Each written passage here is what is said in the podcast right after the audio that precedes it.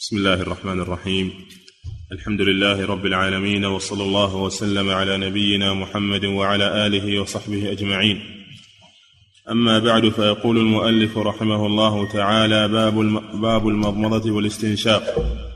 بسم الله الرحمن الرحيم. الحمد لله رب العالمين. صلى الله وسلم على نبينا محمد وعلى آله وأصحابه أجمعين. المضمضة والاستنشاق. مضمضة في الفم الاستنشاق في الأنف. والمضمضة معناها إدارة الماء في داخل الفم ثم مجه. والاستنشاق جذب الماء إلى داخل الأنف. بالنفس ثم نثره بالنفس.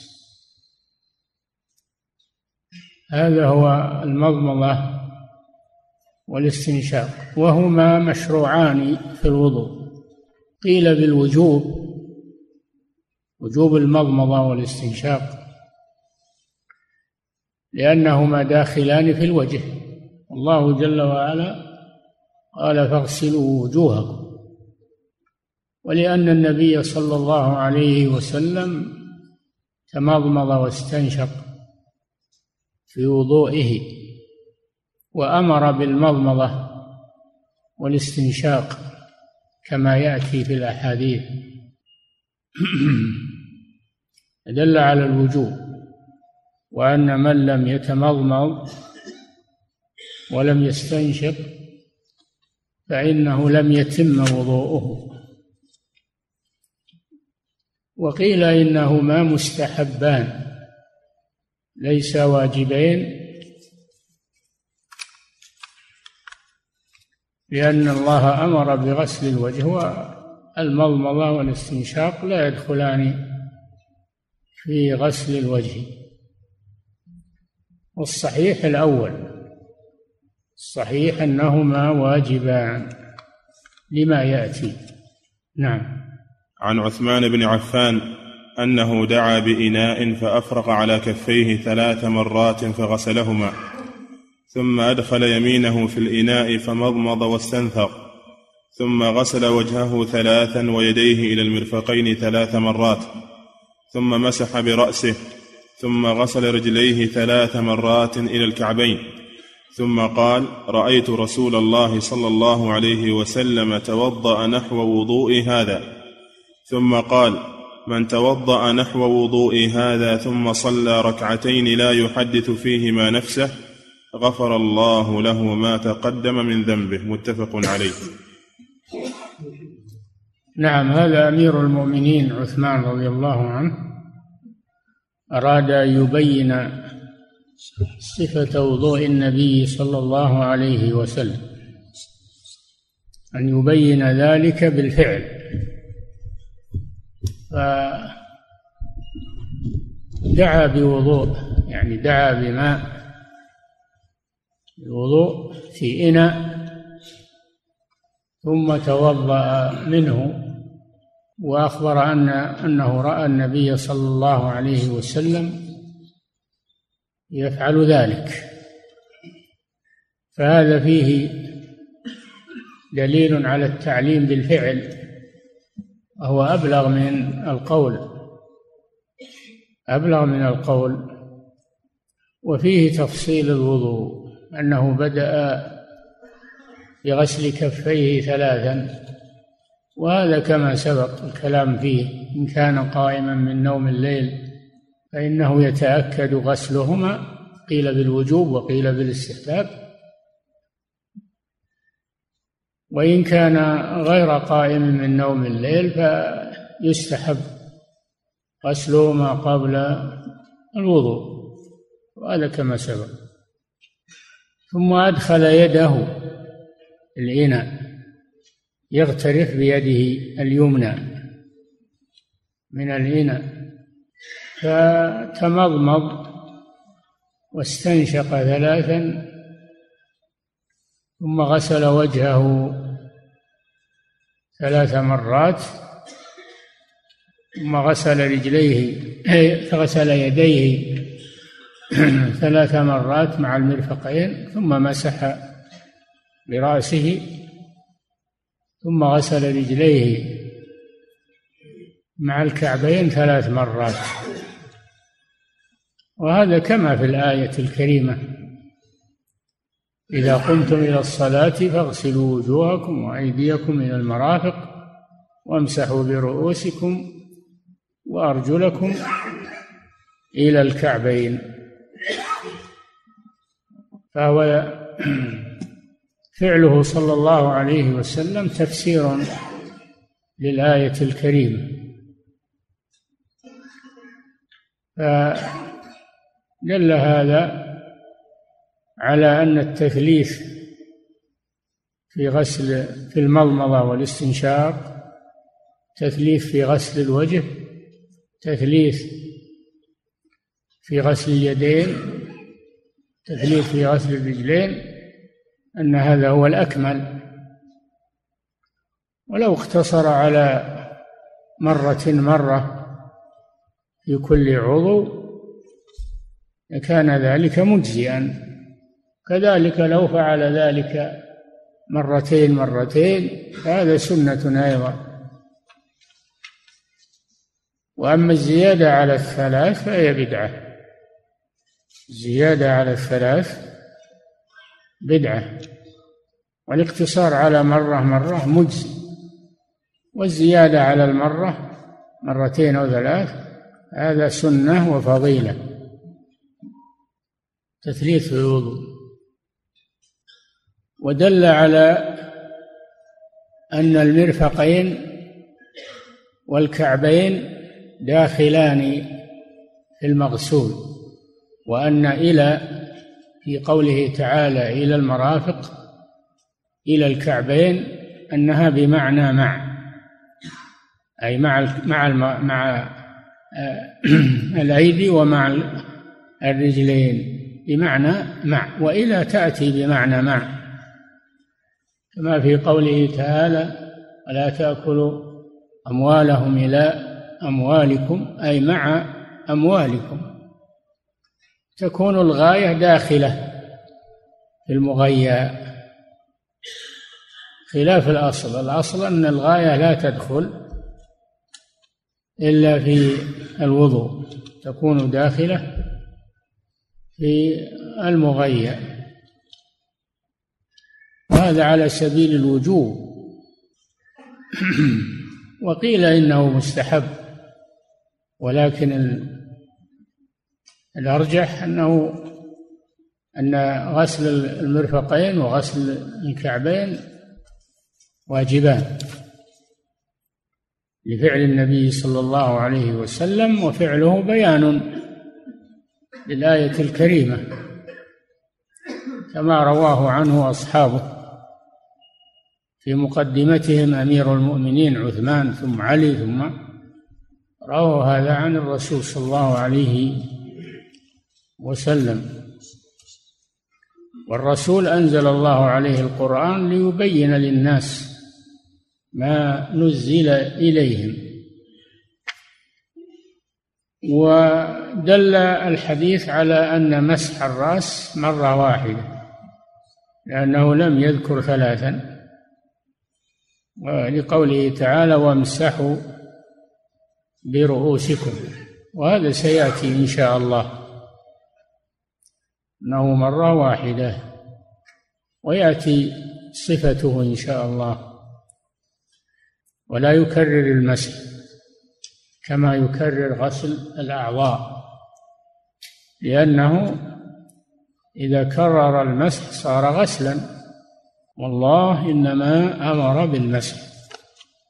وامسحوا برؤوسكم. كما دل الحديث أيضا على استحباب الصلاة بعد الوضوء. استحباب صلاة نافلة بعد الوضوء وأنها ركعتان. هذا مستحب. تسميان سنة الوضوء. وقال لا يحدث فيهما نفسه أي في الصلاة. لا يحدث في الركعتين نفسه بل يكون خاشعا لله عز وجل لأن حديث النفس يشغل عن ذكر الله عز وجل. قالوا هذا فيما إذا كان هذا باختياره.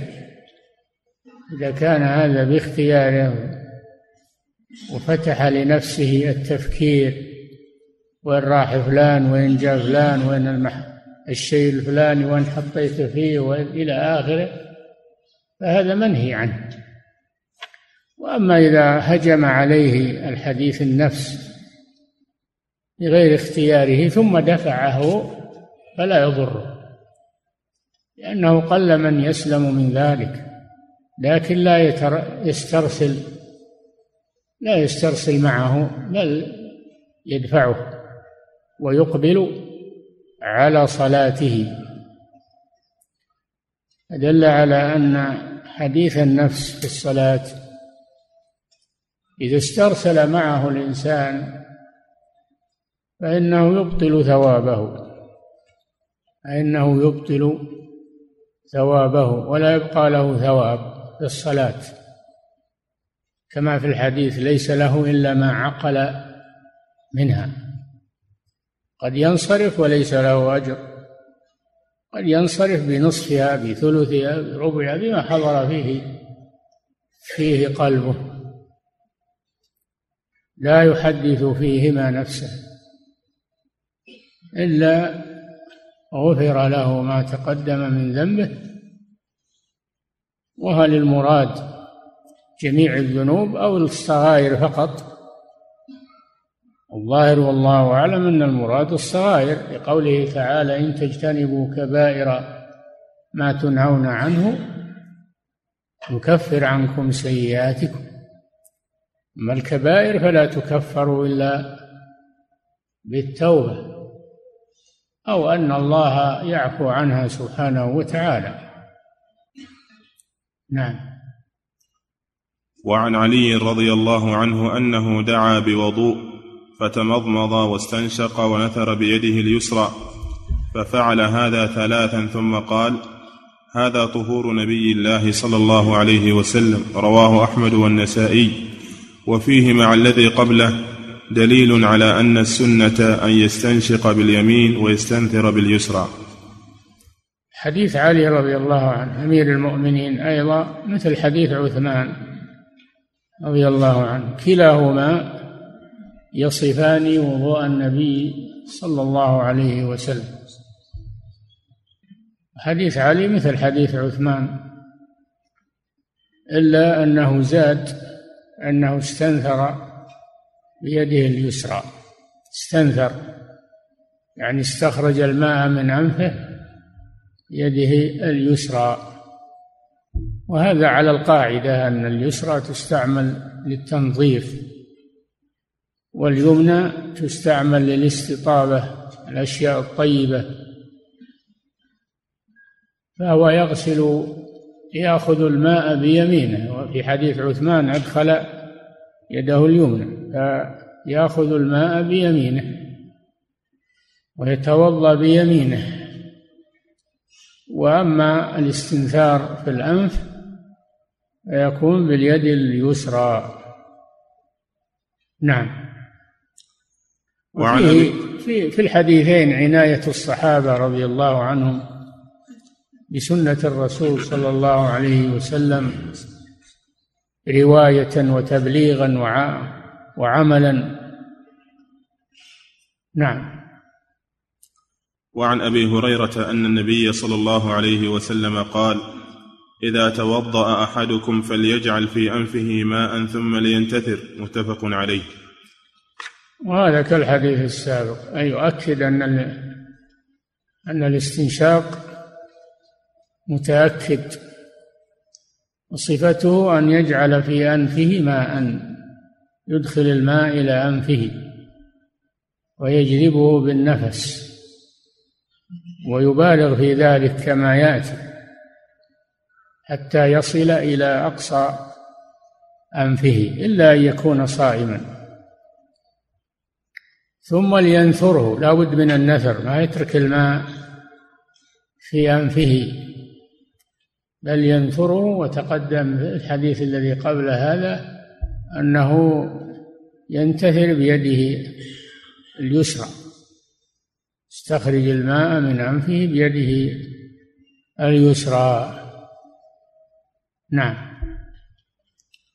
وعن حماد بن سلمة عن عمار بن أبي عمار عن أبي هريرة قال أمر رسول الله صلى الله عليه وسلم بالمضمضة والاستنشاق رواه الدار قطني وقال لم يسنده عن حماد غير هدبة وداود بن المحبر وغيرهما يرويه عنه عن عمار عن النبي صلى الله عليه وسلم لا يذكر أبا هريرة.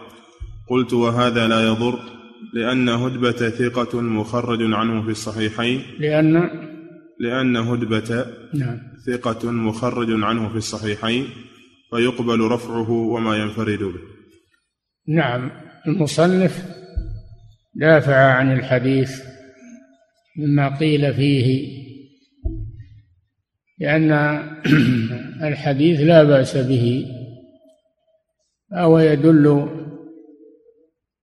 هو يدل على ما سبق يدل على ما سبق من صفة وضوء النبي صلى الله عليه وسلم.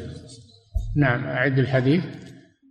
وعن حماد بن سلمة عن عمار بن أبي عمار عن أبي هريرة قال أمر رسول الله صلى الله عليه وسلم بالمضمضة أمر أمر بالمضمضة هذا وجه إيراد الحديث أمر.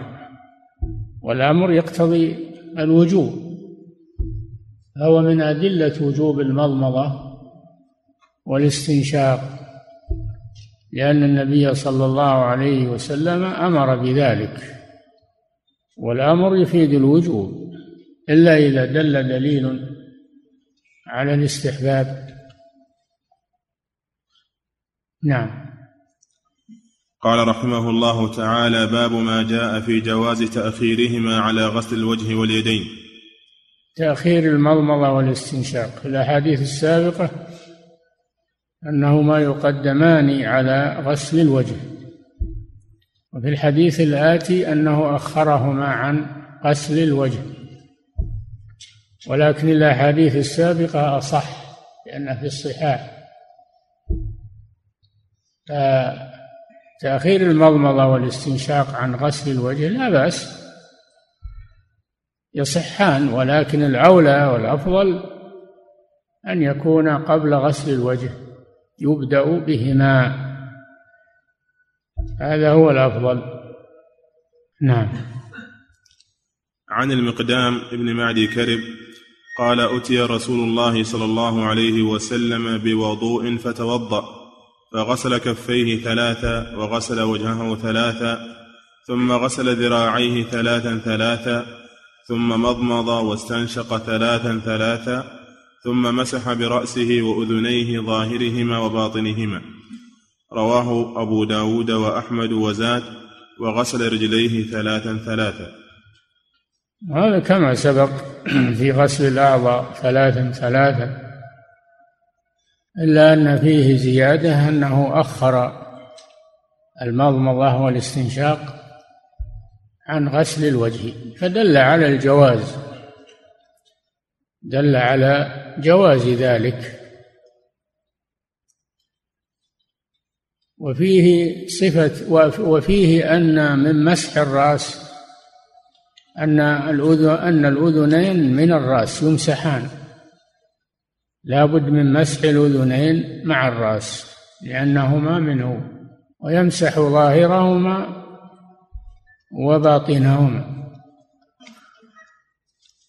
بأن يدخل أصبعيه السباحتين مبلولتين بالماء في خرقي أذنيه ويضع إبهامه مبلولا بالماء على ظاهرهما ثم يدير أصبعيه من الداخل والخارج حتى يكون مسح ظاهرهما وباطنهما.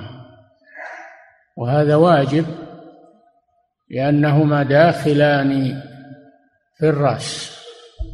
ولا يأخذ لهما ماء جديدا وإنما يمسحهما ببقية ما مسح به رأسه لأنهما من الرأس ولم يصح عنه صلى الله عليه وسلم أنه أخذ ماء جديدا للأذنين. نعم. وعن العباس بن يزيد عن سفيان بن عيينة عن عبد الله بن محمد بن عقيل عن الربيع بنت معوذ بن عفراء قال أتيتها فأخرجت إلي إناء فقالت في هذا كنت أخرج الوضوء لرسول الله صلى الله عليه وسلم فيبدأ فيغسل يديه قبل أن يدخلهما ثلاثا ثم يتوضأ فيغسل وجهه ثلاثا ثم يمضمض ويستنشق ثلاثا ثم يغسل يديه ثم يمسح برأسه مقبلا ومدبرا ثم يغسل رجليه. قال العباس بن يزيد هذه المرأة التي حدثت عن النبي صلى الله عليه وسلم أنه بدأ بالوجه قبل قبل المضمضة والاستنشاق وقد حدث أهل بدر منهم عثمان وعلي أنه بدأ بالمضمضة والاستنشاق قبل الوجه والناس عليه رواه الدار قطني. نعم هذا حديث في عن الربيع بنت معوذ بن عفرة الصحابية الجليلة أنها ذكرت أنها كانت تحضر الوضوء لرسول الله صلى الله عليه وسلم وأخرجت الإناء الذي كانت تحضر به الوضوء. دل هذا على خدمة أهل الفضل. على خدمة أهل الفضل. وذلك بإحضار ماء الوضوء لهما. وفيه أن أن الرسول صلى الله عليه وسلم أخر المضمضة والاستنشاق عن غسل الوجه. كالحديث السابق. ولكن الأحاديث التي هي أصح منهما والتي حدث بها البدريون يعني أصحاب بدر تدل على العكس على أنه بدأ بالمضمضة والاستنشاق قبل غسل الوجه وهذا لا شك ثابت. وحديث الربيع وغيره أيضا يدل على جواز التأخير الأمر فيه سعة ولكن الأفضل أن يبدأ بالمضمضة والاستنشاق قبل غسل الوجه. هذا هو الأفضل. وإلا فتأخيرهما مجزي. وإن كان خلاف الأفضل. وفيه أيضا في حديث الربيع بنت معوذ صفة مسح الرأس. وأنه وضع يديه على رأسه مبلولتين بالماء ثم أقبل بهما وأدبر بمعنى أنه يضع يديه مبلولتين بالماء على مقدم رأسه ثم يمرهما إلى قفاه كما يأتي ثم يردهما إلى المكان الذي بدأ منه. هذه صفة مسح الرأس. الله جل وعلا قال وامسحوا برؤوسكم. سنة النبي صلى الله عليه وسلم مفسرة ومبينة للقرآن. نعم. باب باب باب المبالغة في الاستنشاق. نعم سبق أن الاستنشاق والمضمضة لا بد منهما. وأما محلهما فالأرجح أنه قبل غسل الوجه ويجوز بعد الوجه.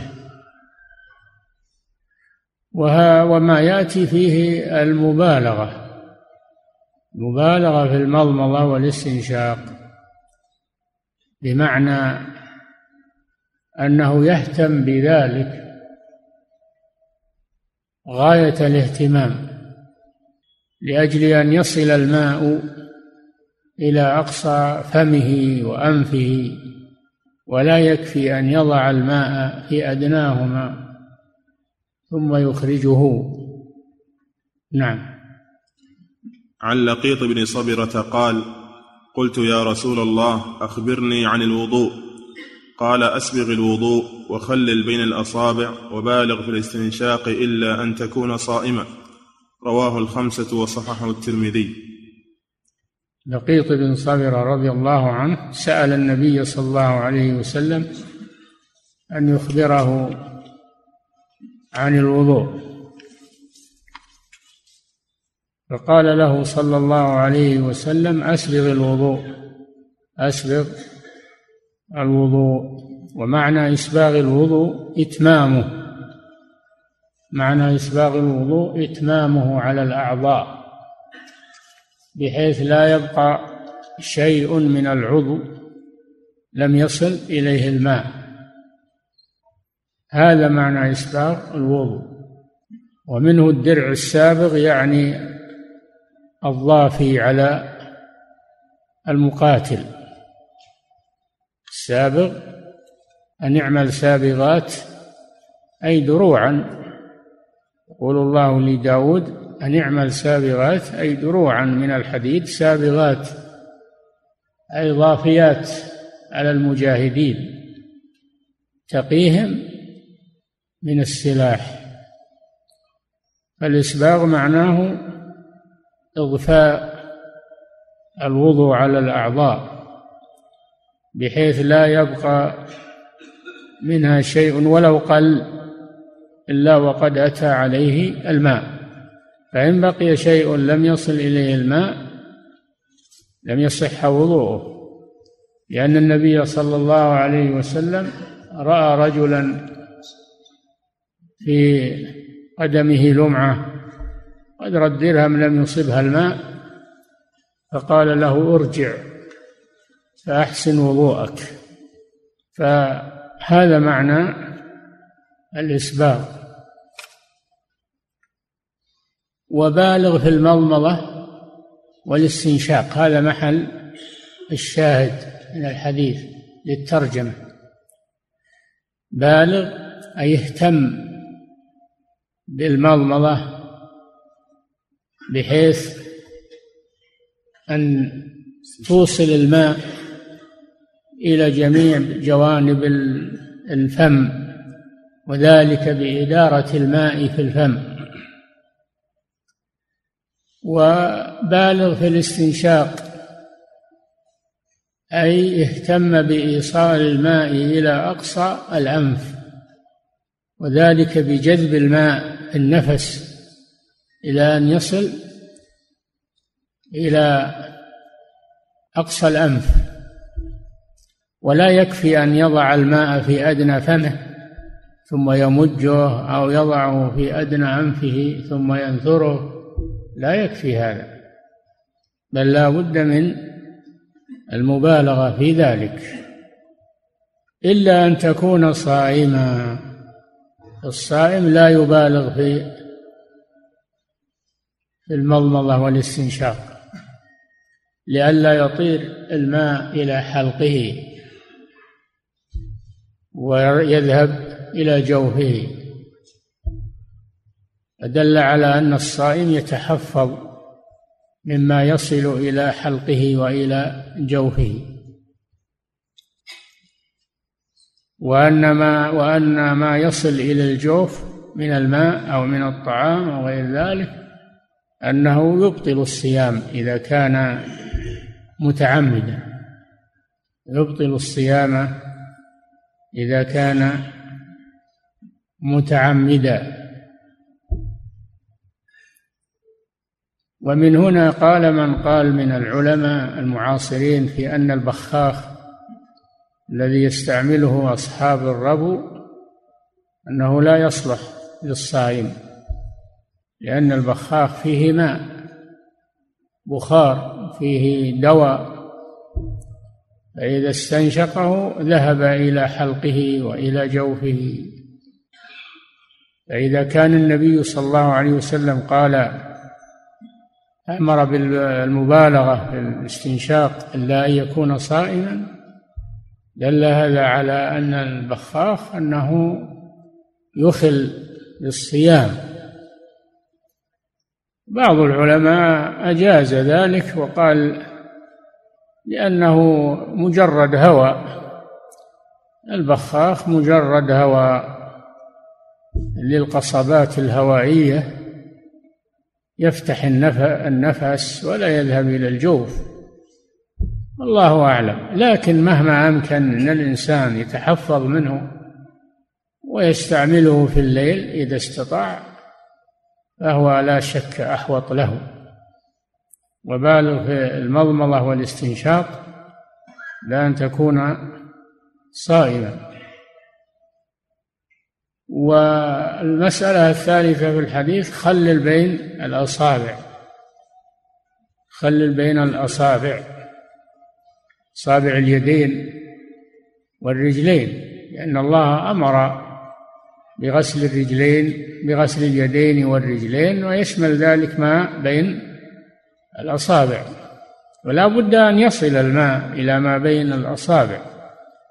وليتأكد من ذلك يخلل بمعنى يدخل أصبعه مبلولة بالماء بين أصابع يديه ورجليه حتى يوصل الماء إلى ما بين الأصابع.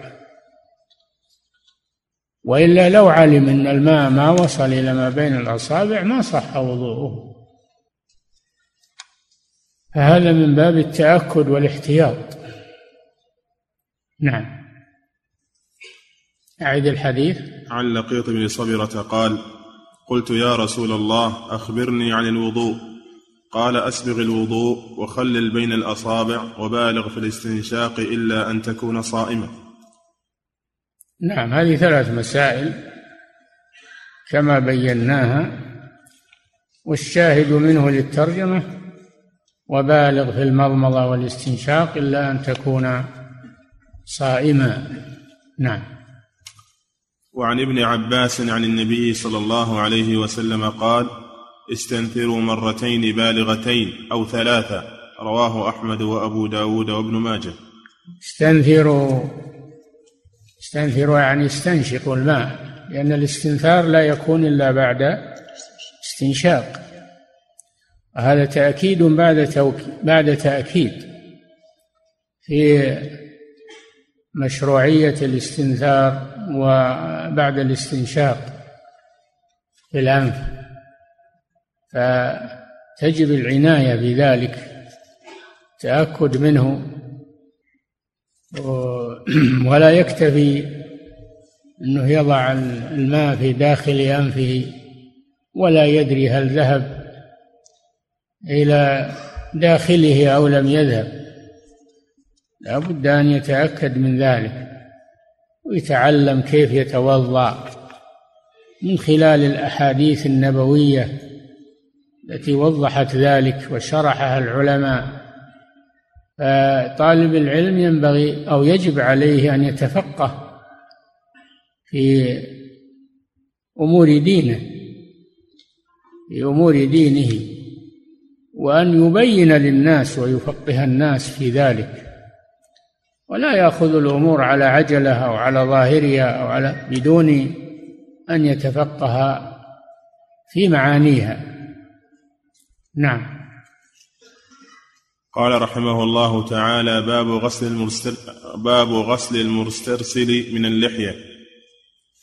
نعم سبق تخليل الأصابع. اللحية اللحية من الوجه. اللحية من الوجه. فيجب غسلها مع الوجه. فلو تركها ولم يغسلها لم يصح وضوءه. ولكن إن كانت اللحية خفيفة يرى الجلد من وراء الشعر فهذه يجب غسل ظاهرها وباطنها. أما إن كانت اللحية كثيفة تستر ما وراءها فيجب غسل ظاهرها. ويستحب تخليل باطنها. يجب غسل ظاهرها ويستحب تخليل باطنها بالأصبع مبلولة بالماء لأنها من الوجه. ولهذا قال الفقهاء في تحديد الوجه هو من منابت الشعر الراس المعتاد إلى من حدر من اللحيين والذقن طولا. إلى من حدر من اللحيين والذقن طولا ومن الأذن إلى الأذن عرضا. كل هذا يجب غسله. هذه منطقة منطقة الوجه. بما في ذلك اللحية فهي من الوجه. نعم. عن عن عمرو عن عمرو بن عبسة قال قلت يا رسول الله حدثني عن الوضوء. قال ما منكم من أحد يقرب وضوءه فيتمضمض ويستنشق فينتثر إلا خرت خطايا فيه وخياشيمه مع الماء. ثم إذا غسل وجهه كما أمره الله إلا خرت خطايا وجهه من أطراف لحيته مع الماء. ثم يغسل يديه إلى المرفقين إلا خرت خطايا, خطايا يديه من أنامله مع الماء. ثم يمسح برأسه إلا خرت خطايا رأسه من أطراف شعره مع الماء. ثم يغسل قدميه إلى الكعبين إلا خرت خطايا رجليه من أنامله مع الماء. أخرجه مسلم ورواه أحمد وقال فيه ثم يمسح رأسه كما أمره الله ثم يغسل قدميه إلى الكعبين كما أمره الله. فهذا يدل على أن غسل الوجه المأمور به يشتمل على وصول الماء إلى أطراف اللحية. نعم هذا الشاهد من الحديث للباب. أن أنه يدل على أن غسل الوجه يشمل اللحية وأنه لا بد أن يصل الماء إلى اللحية يمر عليها وينزل منها يتقاطر منها. هذا محل الشاهد من الحديث. والحديث فيه فضل الوضوء وأن الله جل وعلا يغسل بها خطايا الأعضاء المغسولة والممسوحة فيبين الحكمة من تخصيص هذه الأعضاء للغسل أنها أعضاء تكتسب الخطايا والسيئات. فالوجه فيها الكلام والنطق والعينان فيهما النظر. وكذلك اليدين فيهما الأخذ والإعطاء والبطش. والاجتراح فهما يكسبان خطايا. وكذلك الرأس فيه الأذنان والسمع. يستمع الإنسان إلى ما لا يحل ولا يجوز. وكذلك الرجلان تمشيان إلى ما لا يجوز. فالله جل وعلا شرع الوضوء لتطهير هذه الجوارح. وهذه الأعضاء. فهذا في بيان الحكمة من غسل هذه الأعضاء وفيه فضل الوضوء وأن الله جل وعلا يغسل به خطايا العبد من هذه الأعضاء.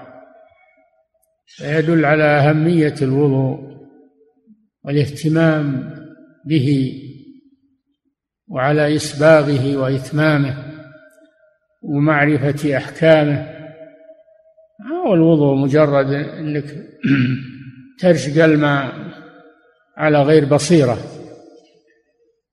ومن غير استحضار واحتساب لطلب الأجر لأن الوضوء عبادة. الوضوء عبادة لله عز وجل. تستحضر فضله وثوابه لأجل أن تحصل على هذه الميزات العظيمة الربانية. وكل العبادات ولله الحمد كلها كلها خير كلها بركة كلها رحمة والوضوء من أعظمها. ينبغي للمسلم أن يتقنه وأن يتعلمه ويتفقه فيه ويحتسب الأجر والثواب الوارد فيه وأن يسبغه ويتمه ويتقنه تماما. نعم. قال رحمه الله تعالى فهذا يدل على أن غسل الوجه المأمور به يشتمل على وصول الماء إلى أطراف اللحية. هذا هو المقصود من الحديث للباب أن الماء يصل إلى أطراف اللحية. فدل على أن اللحية من الوجه. نعم. وفيه دليل على أن داخل الفم والأنف ليس من الوجه. حيث, حيث بين أن غسل الوجه المأمور به غيرهما. هذا ما هو واضح والصحيح إن أنهما من الوجه. أن الفم داخل الفم وداخل الأنف أنه من الوجه كما سبق في الأحاديث.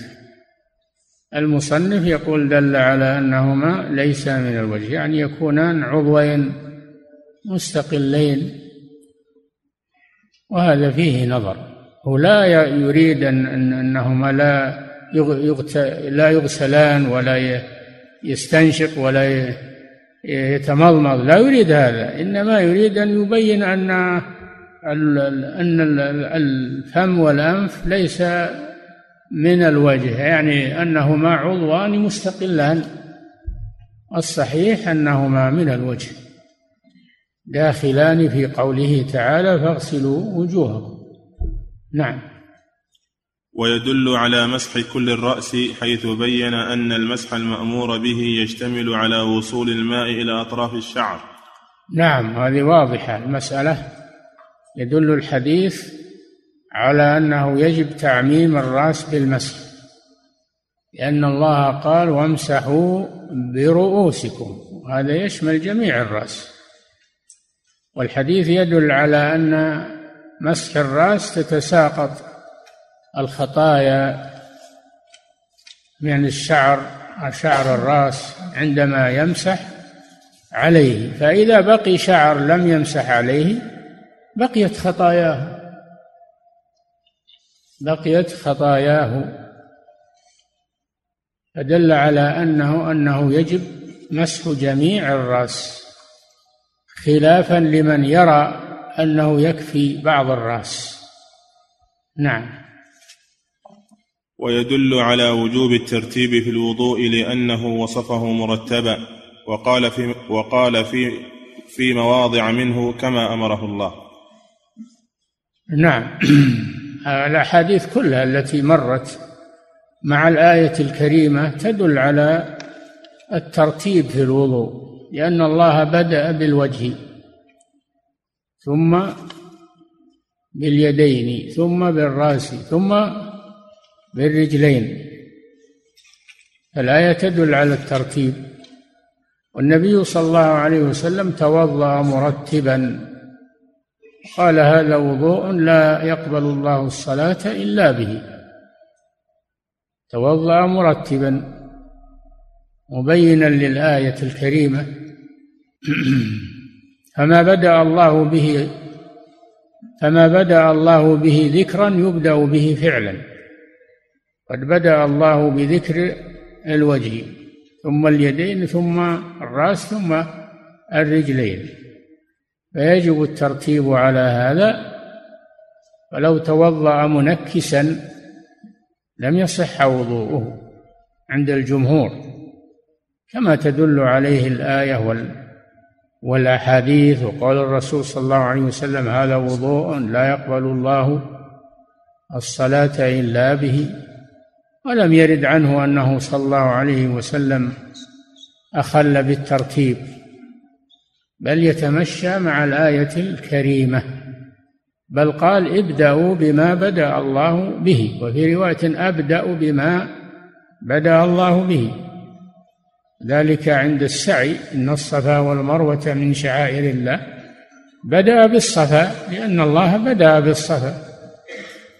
وقال تلا هذه الآية عندما خرج إلى الصفا وقال أبدأ بما بدأ الله به. وفي رواية ابدأوا أمر بما بدأ الله به.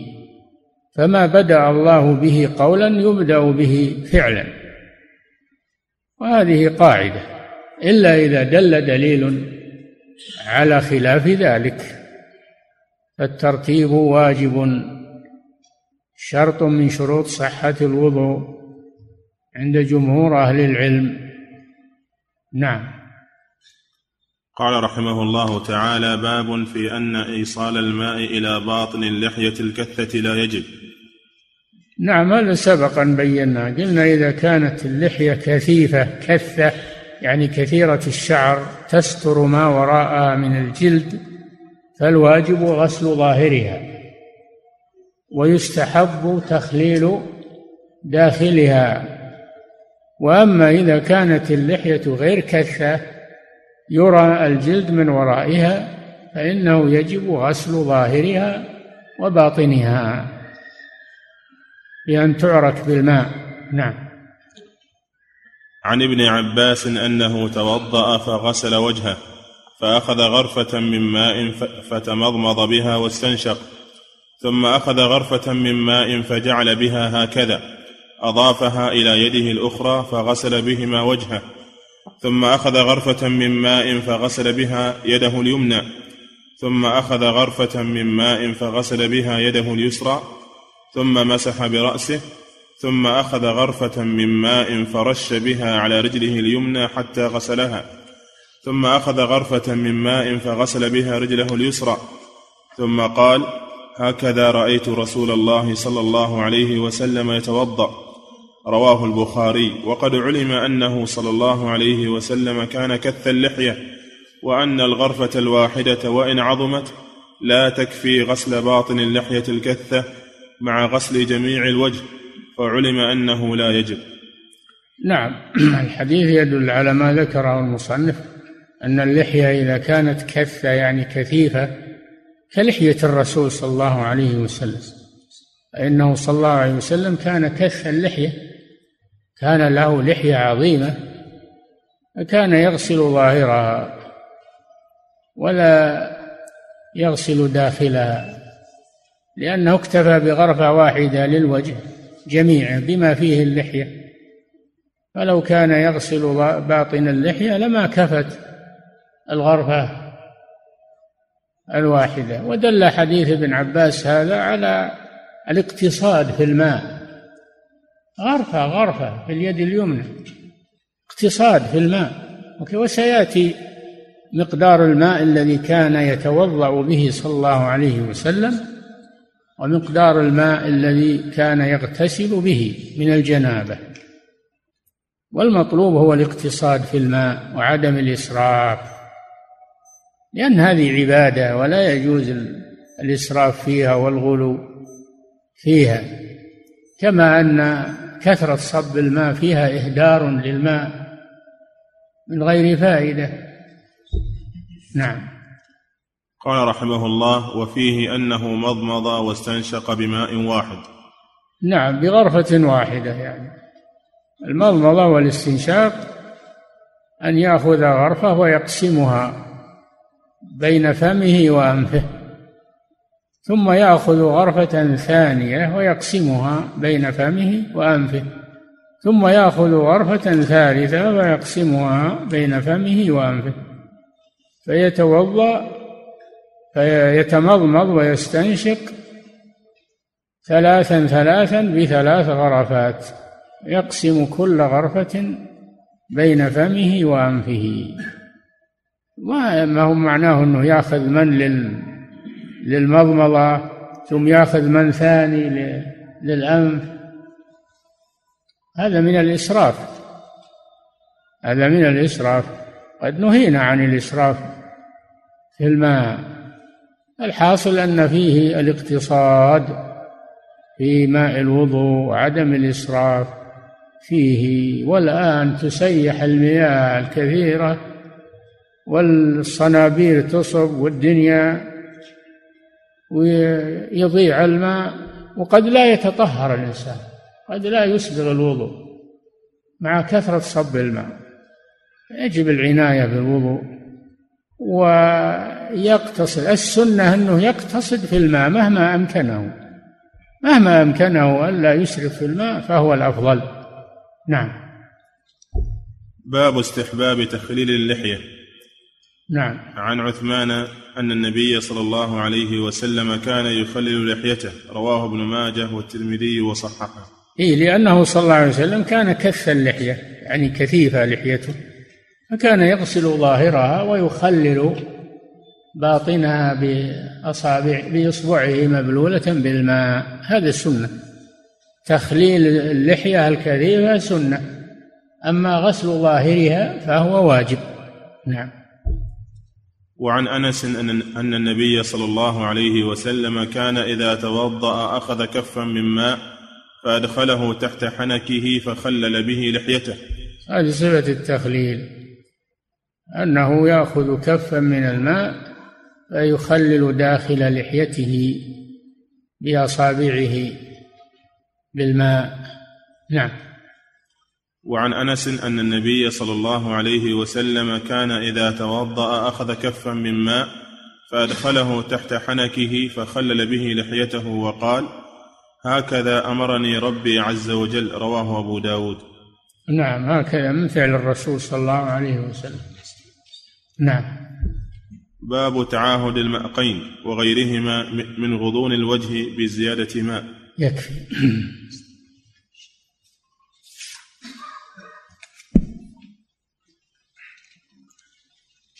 فضيلة الشيخ حفظكم الله يقول السائل من دخل دورات المياه ووجد من يتوضأ فيها فهل يسلم عليه؟ وهل, وهل يرد المسلم عليه؟ لا. داخل دورات المياه لا يسلم. وإذا سلم عليه لا يرد عليه حتى يخرج من المكان. نعم. يقول أحسن الله إليكم بالنسبة للحية هل أخذ ما زاد عن القبضة باتباع ابن عمر رضي الله عنهما أم نتركها؟ هل إيش؟ هل نأخذ ما زاد عن القبضة ونتبع عبد الله بن عمر رضي الله عنهما أم نتركها؟ نتبع الرسول صلى الله عليه وسلم. الرسول كانت لحيته كثة ولم ولم يأخذ منها. لم يأخذ منها. لم يثبت عنه ذلك. الحديث الذي ورد في أنه كان يأخذ من طول لحيته وعرضها لم يثبت عنه صلى الله عليه وسلم. إنما ثبت هذا عن ابن عمر من اجتهاده رضي الله عنه. والحجة فيما روي عن الرسول صلى الله عليه وسلم. نعم. يقول أحسن الله إليكم شخص بدأ صيام رمضان في دولة الهند ثم أتى إلى السعودية فأكمل الصيام علما بأن الهند كانت متأخرة عن السعودية يوما فيكون قد صام تسعة, تسعة وعشرين يوما فهل يقضي يوما ليكون ثلاثين يوما؟ نعم حكم حكم البلد الذي كان فيه في آخر الشهر. يأخذ حكمه للبلد فيأتي بيوم ليصوم ثلاثين يوما. نعم. يقول حفظكم الله وأحسن إليكم هل يغني التنظيف بعد قضاء الحاجة بالمناديل عن الغسل والاستنجاء أما إذا أنقى إذا أنقت المناديل محل الخارج ونشفته فإنها تكفي عن الماء مثل الاستجمار. تماما المهم الإنقاء بالمناديل. نعم. يقول حفظكم الله هل يؤخذ من حديث عثمان رضي الله عنه في صفة الوضوء؟ مشروعية شرح مشروعية شرح العبادات كالطهارة والصلاة والحج وغيرها بالتطبيق العملي ليكون ذلك أبلغ في التعليم. ما في شك هذا الذي فعله عثمان بل هذا الذي فعله الرسول صلى الله عليه وسلم في الحج. حج بالناس وقال خذوا عني مناسككم أي افعلوا كما أفعل في المناسك التعليم بالفعل أبلغ من التعليم بالقول. نعم. يقول حفظكم الله وأحسن إليكم. وقال صلى الله عليه وسلم في الصلاة صلوا كما رأيتموني أصلي. هذا تعليم بالفعل وهو أبلغ. نعم. يقول من لا يستطيع حضور الدرس وهو يسكن في الرياض ويقوم بالمتابعة عبر الإنترنت هل يحصل على اجر حضور الدرس ويعتبر ممن تحفهم الملائكة؟ نعم هذا على الأقل. أقول هذا فعل ما يستطيع. جزاه الله خيرا. فعل ما يستطيع لكنه ليس مثل الحاضر الذي يحضر ويناقش ويستمع. لكنه فعل ما يستطيع وله من الأجر إن شاء الله ما كتب الله له. نعم. يقول حفظكم الله امرأة أجنبية أسلمت وهي كبيرة كبيرة في السن لا تستطيع أن تنطق اللغة العربية فهل يجوز لها أن تقرأ في صلاتها الفاتحة بلغتها؟ لا القرآن لا يقرأ إلا باللغة العربية ما يمكن هذا. ما يمكن أن يقرأ إلا باللغة العربية فيجب عليها أن تتعلم الفاتحة باللغة العربية ولا يمكن أن تنطق بها أو بآية من القرآن باللغة الأجنبية لا يتطابق هذا. نعم. يقول حفظكم الله وأحسن إليكم. نتوضأ اليوم من الحنفيات مباشرة دون أن نستعمل الإناء. فهل هذا فيه مخالفة للسنة؟ ليس فيه مخالفة للسنة لكن عليك بالاقتصاد عليك بالاقتصاد. لا تكثر صب الماء من غير حاجة وإلا توض من الإناء أو من البزبوز أو لا بأس أو اغترف كله أو من الحوض أو من الساقية أو من النهر. اغترف كل واحد بس المهم لا تسرف في صرف الماء. نعم. يقول أحسن الله إليكم هل الفصل بين المضمضة والاستنشاق سنة ثابتة؟ ورد الفصل وورد لا الفصل يعني إنه يتمضمض ثلاث مرات اولا ثم يستنشق ثلاث مرات لا أعلم في هذا شيء. أما أنه يقرن بينهما كما ذكرنا غرفة يقسمها وغرفة يقسمها وغرفة يقسمها. نعم هذا ورد في الأحاديث. هذا ورد في الأحاديث. ورد أنه في غرفة واحدة يستنشق ثلاثا ويتمضمض ثلاثا لكن هذا صعب إلا على من يتقن هذا الشيء. نعم. يقول أحسن الله إليكم من أدخل الماء إلى فمه ولكنه لم لم يدر الماء في فمه بل أخرجه مباشرة فهل, فهل يجزئه ذلك في الوضوء؟ لا يجزئه ذلك في الوضوء إنما جاء الماء على بعض فمه ولم يضفي على بقيته. نعم. نعم. يقول حفظكم الله من وضع الماء في أنفه ولكنه لم يستنثر بل استنشق فقط وترك الماء ينزل بنفسه فهل فهل يجزئه ذلك في وضوئه؟ يجزئه لكن هذا خلاف الأفضل خلاف السنة. نعم. يقول حفظكم الله وأحسن إليكم إذا أردت أن أبدأ بطلب علم الفقه فبأي كتاب أبدأ؟ وإذا لم أجد عالما يشرح الكتاب فهل يكفي أن أستمع إلى الشرح عن طريق الأشرطة والاسطوانات لأحد العلماء؟ هذه ليست طريقة تعلم. الاستماع للأشرطة ليست طريقة تعلم إنما هي طريقة استفادة ولو قليلة.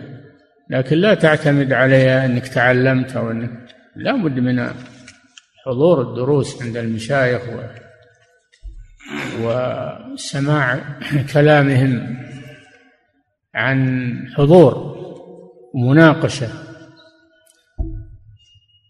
ولا يكفي حفظ الكتاب من غير شرح من عالم معتمد.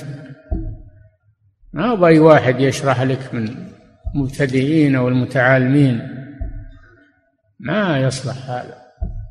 والآن ظهرت ظاهرة في الشباب ما يقولون الفقه ما له أصل بعد. يقولون الفقه هذا قول كلام الناس ويجب أن نأخذ نحن من الكتاب والسنة مباشرة. يعني بيصيرون مثل الأئمة الكبار الإمام ابن المبارك والإمام إسحاق بن راهويه والإمام أحمد الشافعي ومالك أبو حنيفة. يريدون أن يكون في مصاف الأئمة ويتركون الفقه نهائيا. هذا من الغرور والجهل. الله جل وعلا قال وأتوا البيوت من أبوابها. ليس وليس البر بأن تأتوا البيوت من ظهورها ولكن البر من اتقى وأتوا البيوت من أبوابها. ومن ذلك العلم يؤتى من أبوابه. ما يؤتى من أعلاه للجاهل نعم. يقول حفظكم الله وأحسن إليكم كيف يخلل الإنسان لحيته في الوضوء؟ كما سمعتم يدخل أصبعه في يدخل أصبعه في في اللحية مبلولا بالماء. وسمعتم في الحديث أن الرسول صلى الله عليه وسلم كان يأخذ كفا من الماء ويضعه تحت لحيته ويخللها به. نعم. يقول حفظكم الله ما الحكمة في أن اللحية الخفيفة تغسل ظاهرا وباطنا واللحية الكثة تغسل ظاهرا فقط؟ لأن الجلد بادي ظاهر الجلد بادي وظاهر فيجب غسله مع ما نبت عليه. يجب غسله مع ما نبت عليه من الشعر. تابع له. نعم. يقول حفظكم الله وأحسن إليكم. هل يجوز لي أن أذبح أضحية لوالدتي التي توفيت قبل أيام علما بأنها قد ضحت لنفسها عندما كانت على قيد الحياة؟ الآن ما في ضحية. الضحية يوم العيد أو أيام التشريق فقط. أما الآن ما في ضحية. لكن إن أردت أنك تصدق عنها بلحم أو بطعام أو بكسوة أو ذلك الباب مفتوح. أما الضحية لا. الضحية لها وقت. نعم. يقول أحسن الله إليكم إذا كان الوضوء من ماء البحر فكيف تكون المضمضة والاستنشاق فهو شديد الملوحة؟ ما يخالف شديد الملوحة لكنه مطهر مطهر وصحي وفيه فائدة عظيمة مع البحر. نعم. يقول أحسن الله إليكم هذا سؤال سؤال سؤال يتعلق بزكاة الفطر. يقول شخص اشترى أكياس أرز لزكاة الفطر. شخص اشترى أكياس أرز لزكاة الفطر. ووضعها في شنطة سيارته وذهب بها لجمعية البر فقام عامل الجمعية بإنزالها وبعد فترة وجد كيسا في شنطة السيارة. لم لم ينزله العامل. فماذا عليه الآن؟ عليه الآن أنه يطلع الكيس. يقسم يقسمه على على المحتاجين. ويكون قضاء لا يكون أداء وإنما يكون قضاء لما فات. نعم.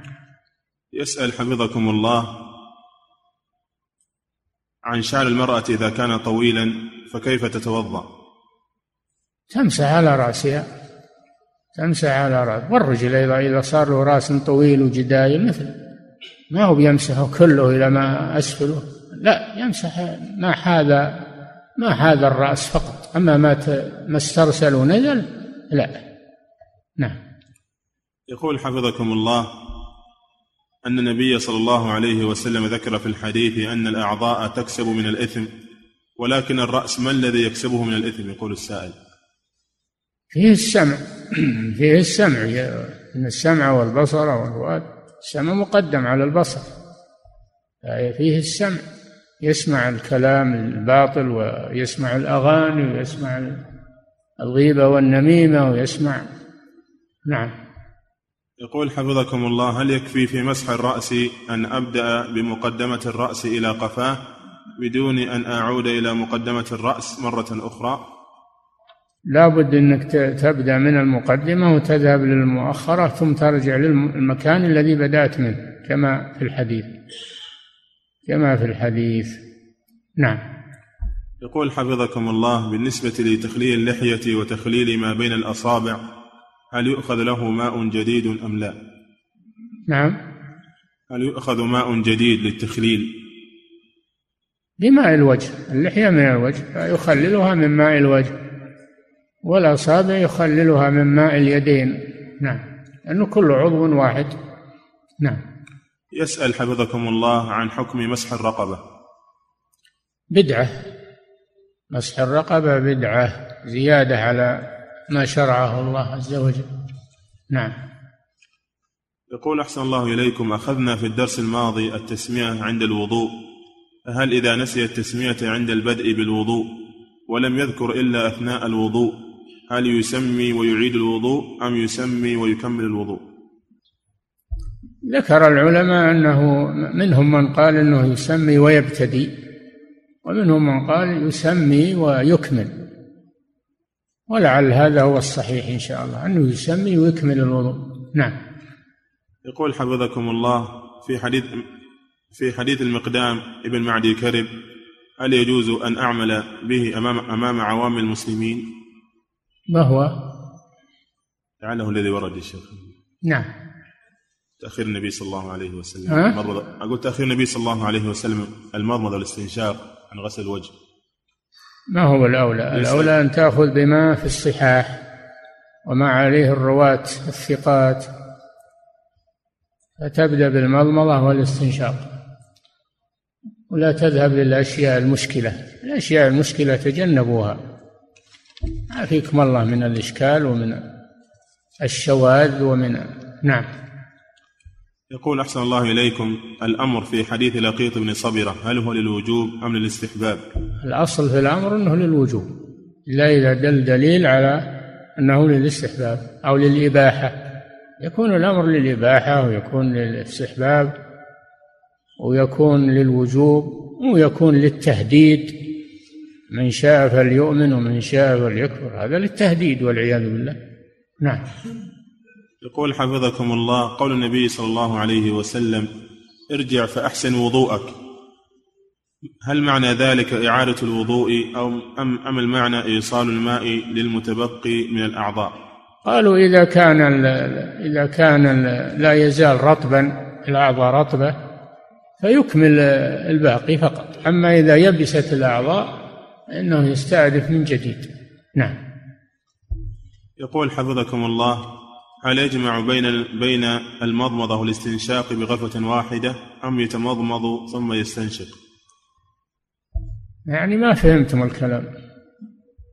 يقول ياخذ غرفة ثم يتمضمض منها ويستنشق ياخذ الثانية ويتمضمض منها ويستنشق. كل غرفة يقسمها بين الفم والأنف. نعم. يسأل حفظكم الله عن حكم متابعة المؤذن إذا سم إذا سمعته يؤذن بالراديو أو رأيته في التلفاز إذا نقلوه مباشرة علما بأني لست في تلك المدينة التي يؤذن فيها. نعم. تجيبه ما دام أنه أذان حي تجيبه تتابعه لتحصل على الأجر والفضيلة. ولو ولو كنت في غير البلد الذي فيه الأذان. أن تسمع الذكر آه، تتابعه. حديث عام. إن سمع إذا سمعت النداء الحديث عام في إجابة المؤذن. نعم. يسأل حفظكم الله عن حكم يقول حفظكم الله بالنسبة لليلة القدر. يقول الله جل وعلا ليلة القدر خير من ألف شهر. ويقول ورد في الحديث عن ست شوال أن النبي صلى الله عليه وسلم قال من صام رمضان ثم أتبعه ستا من شوال كان كأنما صام الدهر كله. يقول فهل ست شوال أفضل من, أفضل من ليلة القدر لأنه دهر كامل؟ يا أخي ما هو الدهر المراد به الدهر الكامل؟ المراد به السنة. من صام ستا من ش... من صام رمضان وأتبعه ستا من شوال فكأنما صام الدهر يعني السنة. لأن رمضان عن عشرة أشهر والست عن شهرين العشرة الحسنة بعشر أمثالها. أما ليلة القدر فهي عن ألف شهر. عن ألف شهر ثلاث أو أربع وثمانين سنة زيادة أشهر. هذا فضل الله يؤتيه من يشاء والله يضاعف لمن يشاء. نعم. يقول حفظكم الله هل يجوز الذبح بعد اسم الله؟ فيقول بعد ذلك ببركة فلان ثم يذبح. إيه؟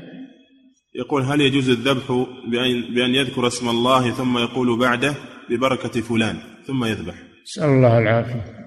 لا يجوز هذا. يقول بسم الله فقط. بركة اسم الله كافية عن فلان. نعم. يقول حفظكم الله هل مسح الأذن واجب في الوضوء؟ وكيف يتم ذلك؟ حيث إني أرى الماء يدخل الأذن. ما قلنا لك ادخل الماء في الأذن. قلنا لك تدخل إصبعك مبلولة بالماء في فرق الأذن وإبهامك على ظاهرها فتديرهما ظاهرا وباطنا مسح وليس غسلا ولا إدخال ماء. نعم. الماء إذا دخل للأذن يضر. نعم. يسأل حفظكم الله عن استعمال اليد اليسرى لتنظيف الفم